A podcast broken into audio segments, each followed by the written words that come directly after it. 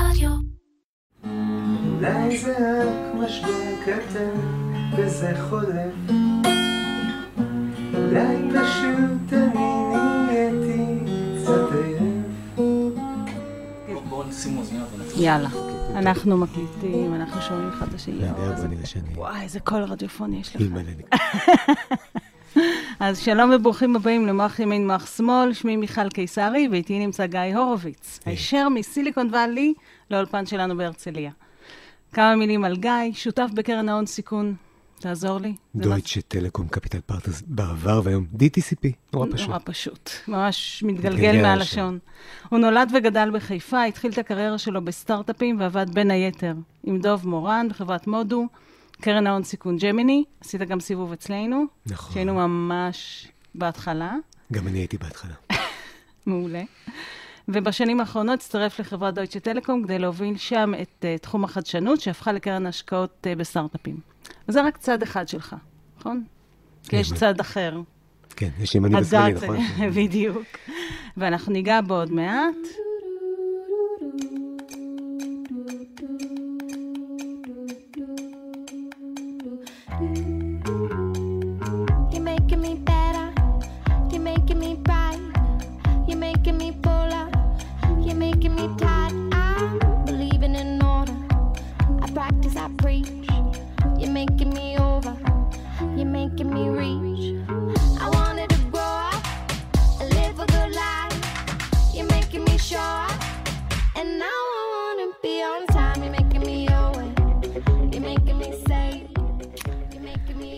גילוי נאות, גיא ואני מכירים דרך פייסבוק, ודרך הפוסטים שלך אני נחשפת לצד היצירתי, אומנותי, קריאטיבי שלך. אבל לפני שאנחנו נצלול לחלק שהוא חביב עליי בשיחה, אה, אני אשמח לנבור קצת במוח השמאלי שלך. אז קרן הון סיכון זה איפה שאתה נמצא היום. אה, איך ואיפה כל זה התחיל? הייתי בסטארט-אפ בחיפה, אה, זה קורה. יש סטארט-אפים וזה אפילו בחיפה? הצליח, סטארט-אפ נמכר במה שאז היה המון כסף, 140 מיליון דולר. וואו. אה, לחברה גם היום? אמריקאית. גם היום, אבל אז זה היה באמת סיפור הצלחה יוצא דופן. גם חברה שהתחילה ומומנה בשנים הכי קשות של, ה, של ההייטק והון הסיכון. על איזה שנים אנחנו מדברים? אה, אני הצטרפתי ב-2001, ו... שיא פיצוץ הבועה. ממש, והצליחו לגייס כסף, בדיוק הצטרפתי על הקצה של גיוס, וכשהחברה נמכרה, חיפשתי את הדבר הבא, שמה של החברה רק? follow-up, follow-up. WAP, כן. אוקיי. היה דבר כזה פעם. אה, ובמסגרת הדברים, קיבלתי הצעת עבודה מעניינת, עם שכר נמוך והרבה אקוויטי, הרבה אופציות, והלכתי להתייעץ עם חבר שהיה בקרן הון סיכון, אם כדאי, לא כדאי. הוא אמר, עזוב, החברה הזאת לא הולכת לשום מקום. במאמר מוסגר, החברה הזאת הייתה חברה בשם סיוטה, נפתלי בנט. הלכה יפה מאוד ודי מהר. כן, הוא עוד חייב לי כסף. הוא אמר, תקשיב, אצלנו מחפשים אסושייט. מה זה אסושייט, מה זה עושה? הכרתי קצת הון סיכון. אצלנו זה ג'מיני? ג'מיני, כן. וגיליתי שהון סיכון, אני חייב לתאר אותו כגבעה גבוהה שנמצאת כזה מעל, ה... מעל המישור, צופה לכל הכיוונים, ואתה מטפס עליה, ובאמת, כמו שותה על הגבעה, פחות שותה, אני מקווה, רואה את כל העולם, ומחליט בנקודה מסוימת לרדת למטה ולעשות משהו. יזמות, מה שתמיד משך אותי, אבל זהו, אני רוצה להתעכב על זה שנייה, כי קצת קפצת לי מהר מדי ל... ל... לתפקידים שלך וזה, אני רוצה דווקא להתחיל קודם. אז נולדת בחיפה, גדלת בחיפה, גדלתי בחיפה, שנתיים בארצות הברית, רילוקיישן. היה מאוד אה, מעניין אה, לי כתלמיד תיכון ואחרי זה תלמיד קולג' בניו ג'רזי, בשנים כאלה, תחילת שנות ה-90. גם האינטרנט התחיל, היה לי אימייל. לפני כולנו. הייתה לי חברה וירטואלית, כן, דברים מטורפים.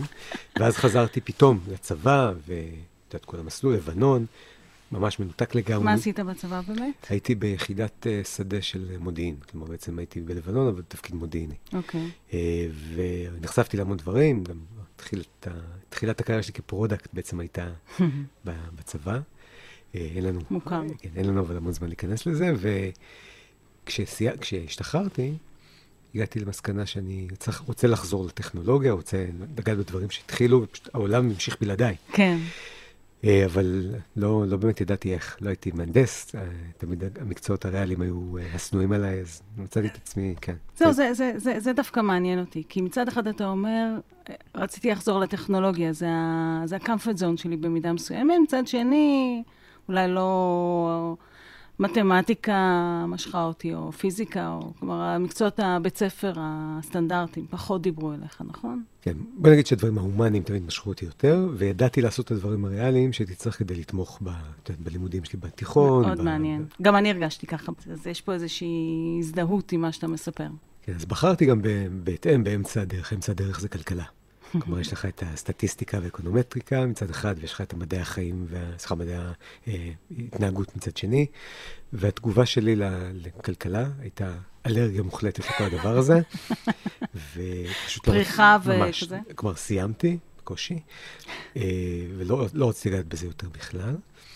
וההזדמנות הראשונה שהייתה לי לברוח למשהו טכנולוגי, עשיתי את זה. זה התחיל מאלביט מערכות, באיזה תפקיד כזה, שסטודנטים סלאש אה, כן, צעירים מתמחים. עושים. כן, בדיוק. ומאוד מהר מתוך זה צמח סטארט-אפ, רעיון לסטארט-אפ, והצטרפתי לסטארט-אפ, ואחרי זה עוד אחד ועוד Mm. אחד, וזה נהיה סדרתי.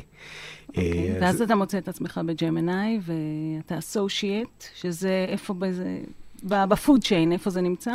אז הייתי הכי נמוך שיש, אבל יש היום, אני יודע שיש תפקידים מסוג אנליסט. עוד יותר נמוכים. כן, את יודעת, במסגרת שרשרת המזון, גם האסושיאט רוצה שיהיה שיהיה מישהו שיעשה לו את העבודה. תמיד.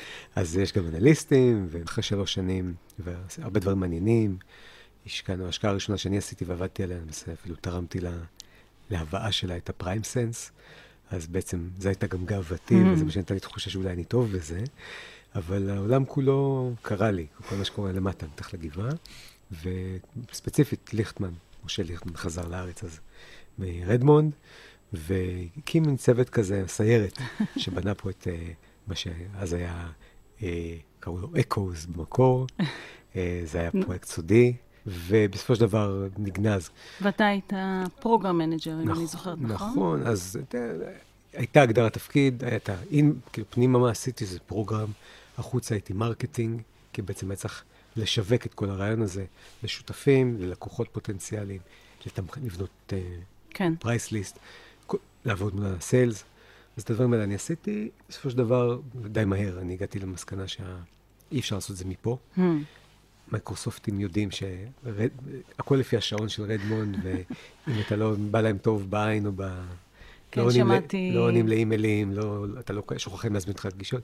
שמעתי על השיחות ועידה בארבע בבוקר, כי זה שש אחרי הצהריים ברדמונד. לגמרי. והתחושה הזאת, שאני אני חלק מזה, אבל אני לא באמת חלק מזה, גרמה לי לרצות לעשות זה, אם, אם אפשר, כן. משם.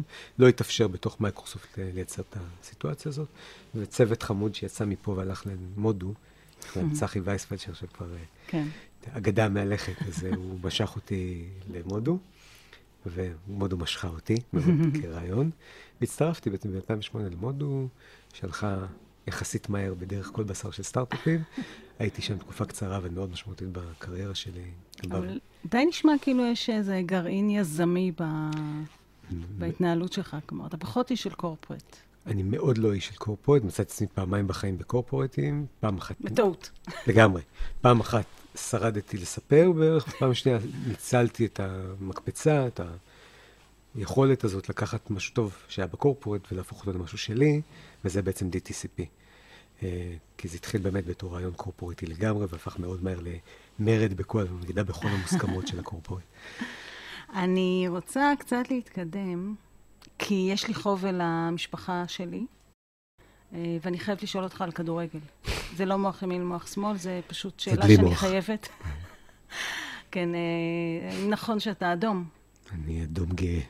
מצוין, כי אחרת היינו נאלצים לסיים עכשיו את השיחה.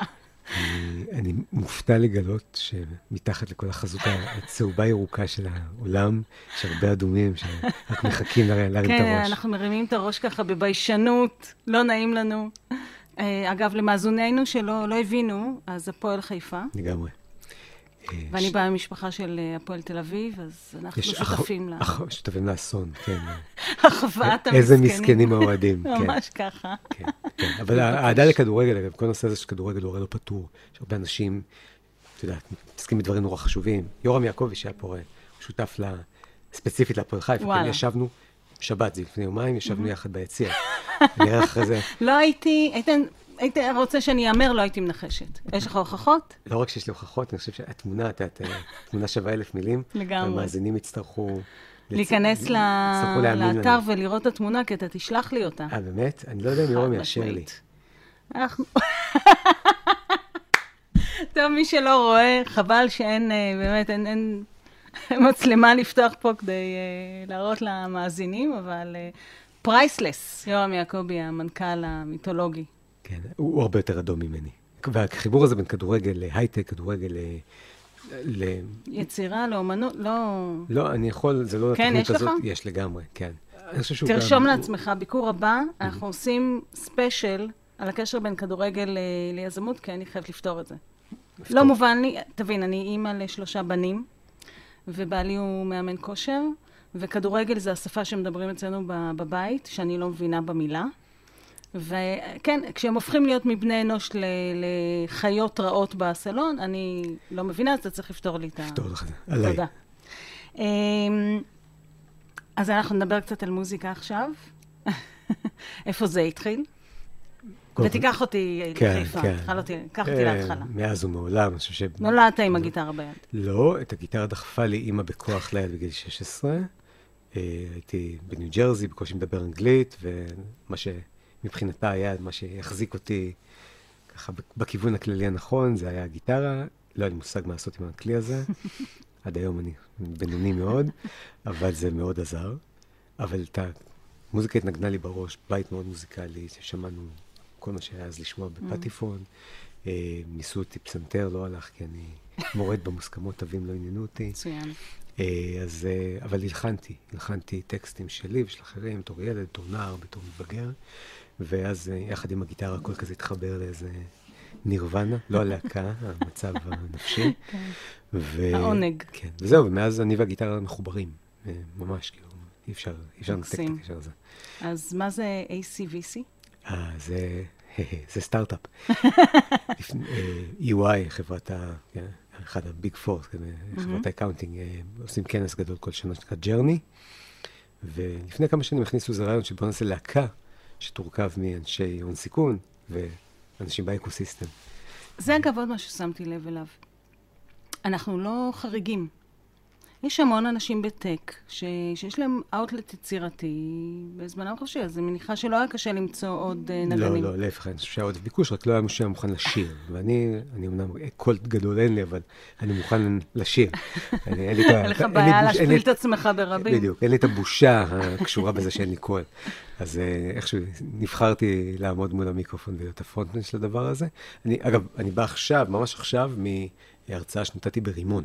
וואלה, כן, אז אה, ברימון יש מה? להם קורס יזמות, יש להם קורס ביזמות באמת? וטכנולוגיה. גדול.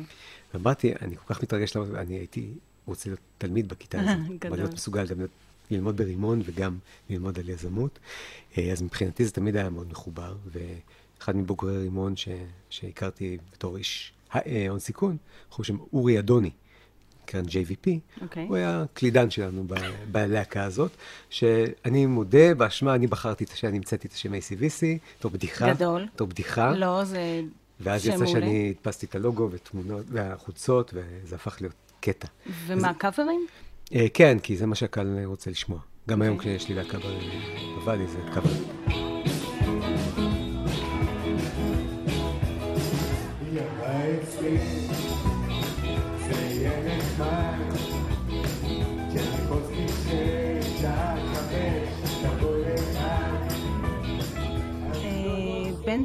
אה, Band-Aid? אה, באנגלית, פלסטר בעברית, כי אנחנו פלסטר. אנחנו לא התרופה, אנחנו רק אה, ממלאים מקום בינתיים עד ש... מקלים על הכאב. עד שהישראלים, המוזיקאים האמיתיים יבואו להופיע אצלנו, או שהישראלים יחזרו לארץ. אצלנו זה?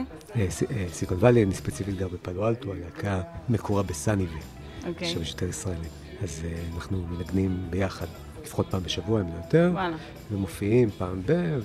וכמו שאמרתי, זמר גדול אני לא, גיטריסט גדול אני לא, אבל אני גם מנגן גיטרה וגם שר, וחברי הלהקה? כולם אנשי הייטק.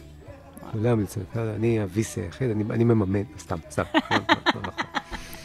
אה, אבל זה מאוד נחמד. זה גם מה שיש. תכלס, ישראלים סיליקון וואלי, כמעט תמיד יש איזשהו יש קשר. הרבה, לטכ- נכון? כן, היה לא מזמן איזה דיון כמה? 20 אלף, 50 אלף או 150 אלף? זה פער גדול. לא, יש שאלה, מי הוא ישראלי? גם נכון. כן, יש את ה... אה, מה זה סיליקון וואלי? אה, גם נכון. בקיצור, יש כנראה כמה... אם אנחנו לוקחים את ההגדרה בחלק הרחב שלה, כלומר, כל מי שאי פעם היה בישראל נחשב ישראלי, וכל מי שבצפון קליפורניה זה... כל מי שיש לו אה, ואלי. one degree of separation מישראלי, גמרנו. כל כל כן, אז אנחנו מיליארד. מדברים על... בדיוק. כן. כן. נייס. טוב, היות ואנחנו חברים בפייסבוק, אז אני נחשפת להרבה דברים, בלי יותר מדי name dropping, אבל מה לך ולעידן אלתרמן? עידן בא להופיע אצלנו בוואלי, הוא חיפאי, אז מיד הייתה לנו אחוות חיפאים, ואז גילינו עוד כל מיני אה, קשרים. את יודעת, זה- once אתה מתחיל, אין לזה סוף. כן. אה, וגילינו גם שיש לנו חיבה, הוא עושה את זה כמובן הרבה יותר טוב ממני, להמציא מילים אה, אחרות לשירים אה, מוכרים. הוא עשה מזה קריירה ואני עושה מזה פוסטים בפייסבוק, ולפעמים הוא מבקש ממני לפ- לפצח לו איזה שורה או איזה משהו, אני מפצח בכיף? והוא בדרך כלל לא אוהב את מה שאני עושה, כי ההומור שלו הרבה הרבה יותר אקסטרימי משלי, אז אני רק נהנה מהאינטראקציה.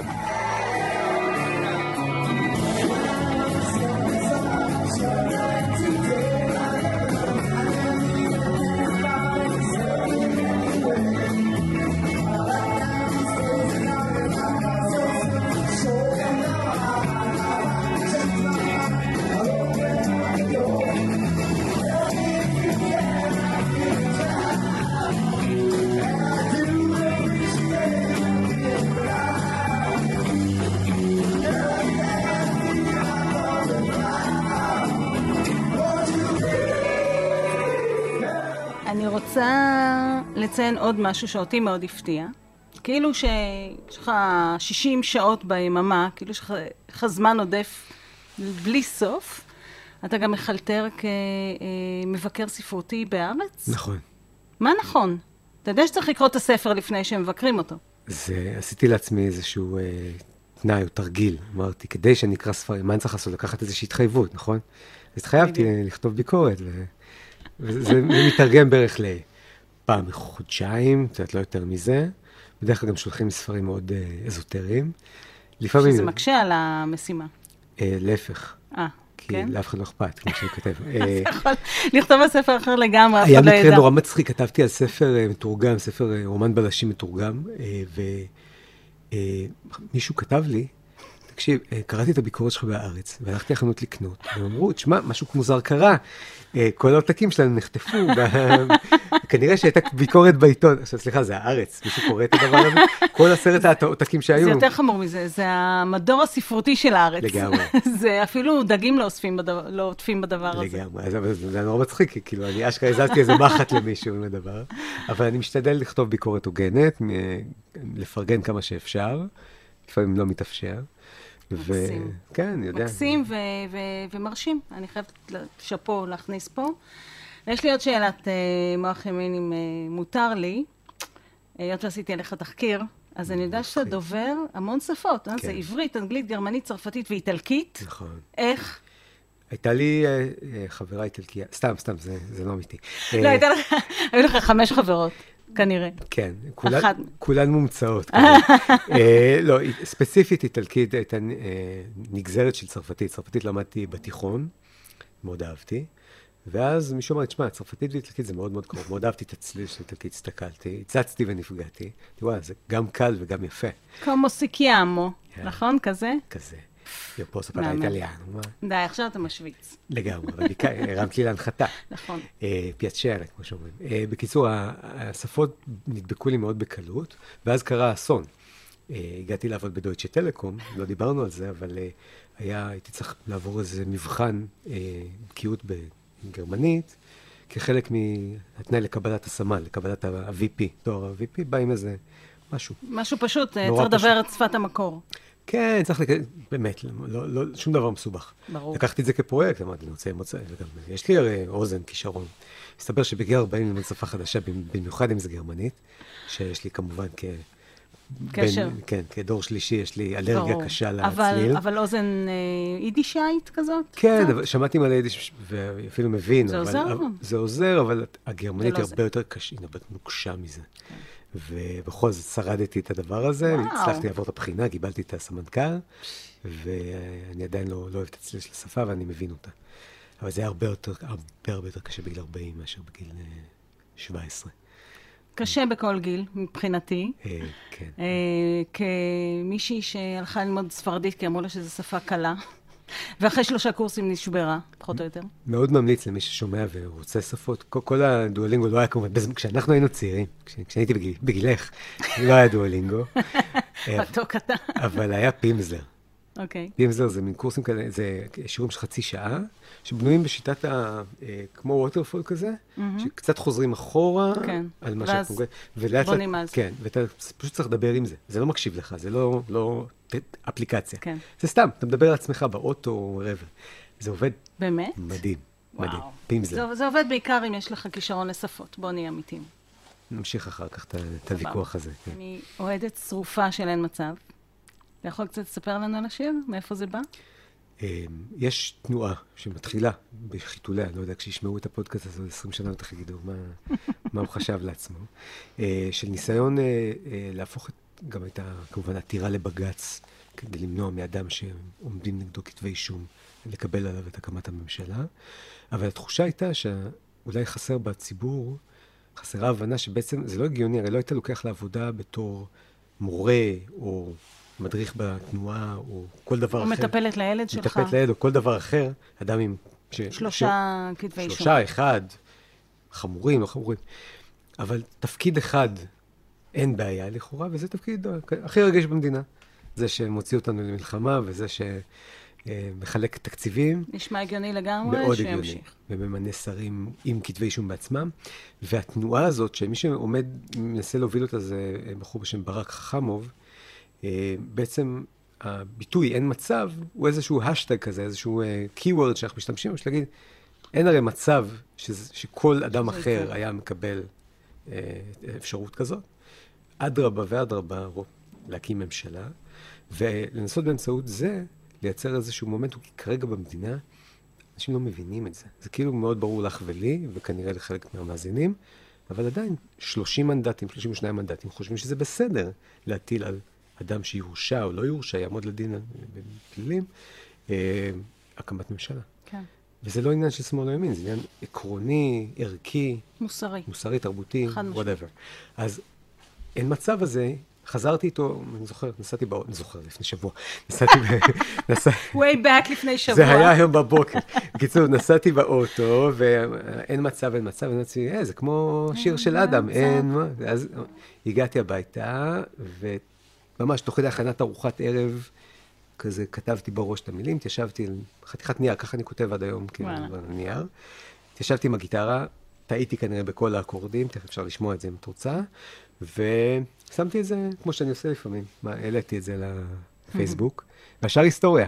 ממש. לא קרה עם זה כלום. אה, לא הייתה, זה לא סחף את העם, אנשים לא לא. שכנע את השלושים מנדטים האחרים. עוד לא, אבל אה, אני חושב שקודם כל יש לזה פוטנציאל. זה קליט, נכון, אחלה לחן. נכון. אה, ו- המסר, המילים מעולות, אנחנו... אני מתנצל בפני המאזינים, אם באמת ישמעו את זה, אני לא שר טוב, טעיתי באקורדים, כי זה ממש הוקלט באותו ערב, זה היה כאילו ארוחת ערב, רף, ג- רף. שמתי אותה על השולחן, שמתי מצלמה, ו- וזה זה נגמר העניין. מחפש בכל הארץ עבודה טובה יש לי תואר NBA, צל"ש מהצבא וכולם אומרים חביבי, בעיה קטנה אין מצב, כתבי אישום אין מצב שנציע כלום, אין מצב. תחזור לכאן אחרי הזיכוי. אין מצב, לא מתאים בכלל, אין מצב, תישאר מובטל, אין מצב, קבל סיכוי ואז נדבר. לא מורה, לא מאבטח, לא שוטר תנועה, לא מדריך בבני עקיבא, גם לא גמד גינה. וכולם אומרים, תקשיב לי, זה לטובתך, אין מצב, זה תפקיד רגיש, אין מצב, לא מתאים לאיש מטופח מעל הצוואר.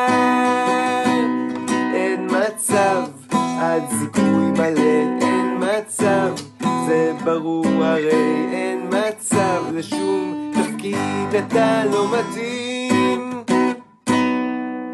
אז אמרו לי יש בעצם רק תפקיד אחד שתוכל אליו לגשת גם במצבך.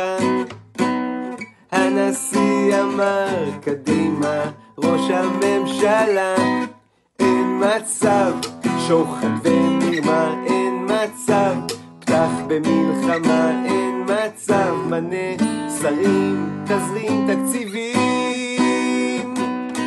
אין מצב, כתב אישום חמור, אין מצב, זה הרי אבסורד, אין מצב, אבל עכשיו אני מסודר,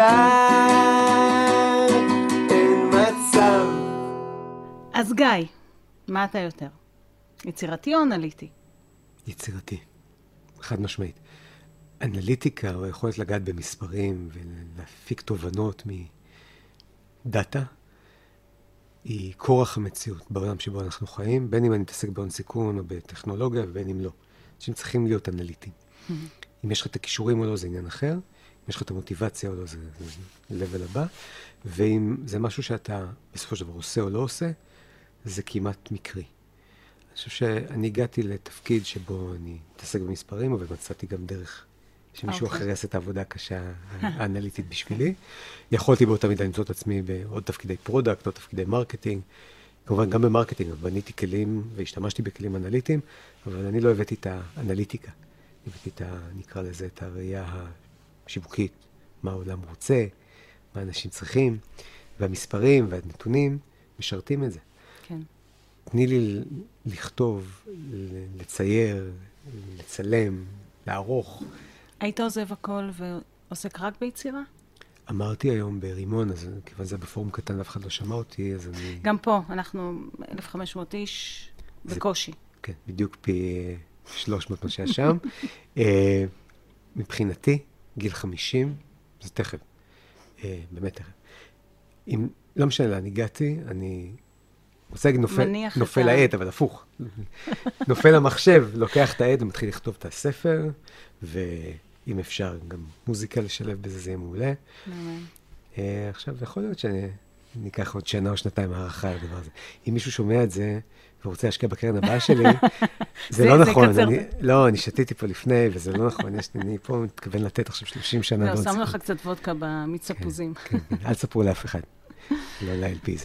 אז גיא, תודה רבה שבאת לבקר. Don't be a stranger, ותזמין אותי לג'ם סשן הבא שלך, אני מבטיחה לא לזייף. מעולה, בכיף. ביי.